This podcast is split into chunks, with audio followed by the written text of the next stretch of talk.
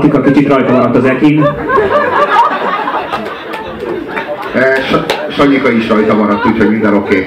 De az a, az, a, az, a jó, az a jó, hogy itt van egy elég abszurd szituáció, ami egyrészt egy ilyen kurvára az elidegenedésről szól, meg a kettős életünkről.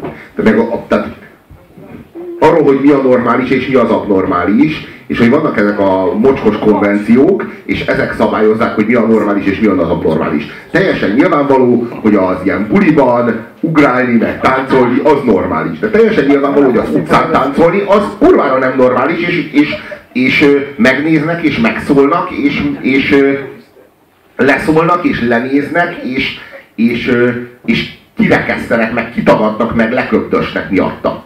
Feldmár Andrásnak volt egy olyan felvetése, hogy azt olvastam, és kurva jó, kurva jó gondolat, hogy ahhoz, hogy te extázis át, vagy, vagy transzba essél, ahhoz neked rosszul kell lenned. Tehát ha az utcán te mondjuk í- dobálod magad a földön, és így csapkodod magad a fejedet, meg a végtagjaidat a földhöz, és rángatózol a földön, és tegyük fel, ezt ö, azért teszed, mert jól érzed magad, tehát transzban vagy, akkor a közösség az téged megvet ezért. Megvet. Mert mi a fasz képzelsz egyáltalán. Tehát leginkább ők se tudják, hogy miért, de leginkább az ilyet otthon csináld, vagy leginkább otthon se. Ö, viszont, ha rosszul vagy, tehát hogyha, mit tudom én, epilepsziás rohamod van, vagy van valami orvosi szakkifejezés erre, abban a pillanatban a dolog oké. Okay abban a pillanatban a dolog tolerálva van. Tehát te nem eshetsz transzba, csak akkor, hogyha papírod van róla, hogyha beteg vagy, tehát hogy neked rosszul kell lenned ahhoz, hogy a társadalom elfogadja a jogodat ahhoz, hogy, a, hogy rángatózzanak a testrészeid. És ha, ha jó, ha jó akkor is, akkor bezárnak egy intézetbe. Tehát... Vélhető, hogy azt se tolerálják túl sokáig, de az nem, akkor abban a pillanatban nem, nem vetnek meg, hanem úgy tényleg így emberileg együtt éreznek veled.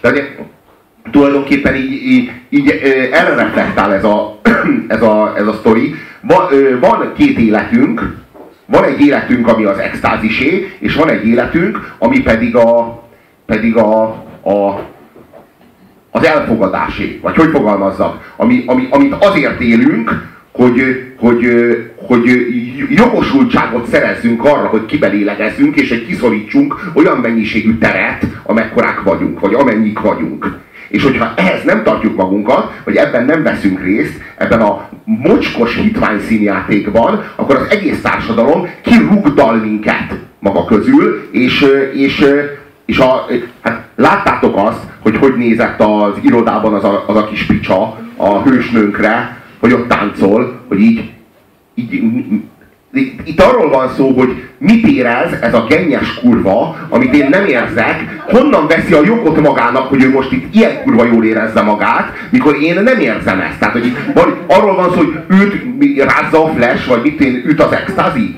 és én miért nem kaptam abból? Vagy, tehát, valami, valami ilyesmi van a mélyén a dolognak, tehát így, így, ha ő kapott, akkor hogy a faszba képzeli, hogy így izé, csak úgy feketén hozzájut és nekem nem hoz. Ha meg, ha meg így magától ilyen, akkor meg takarodjon a kurva anyjába, hogy ilyen jól érzi magát. Tehát, hogy így, mi a kecis fasz képzel?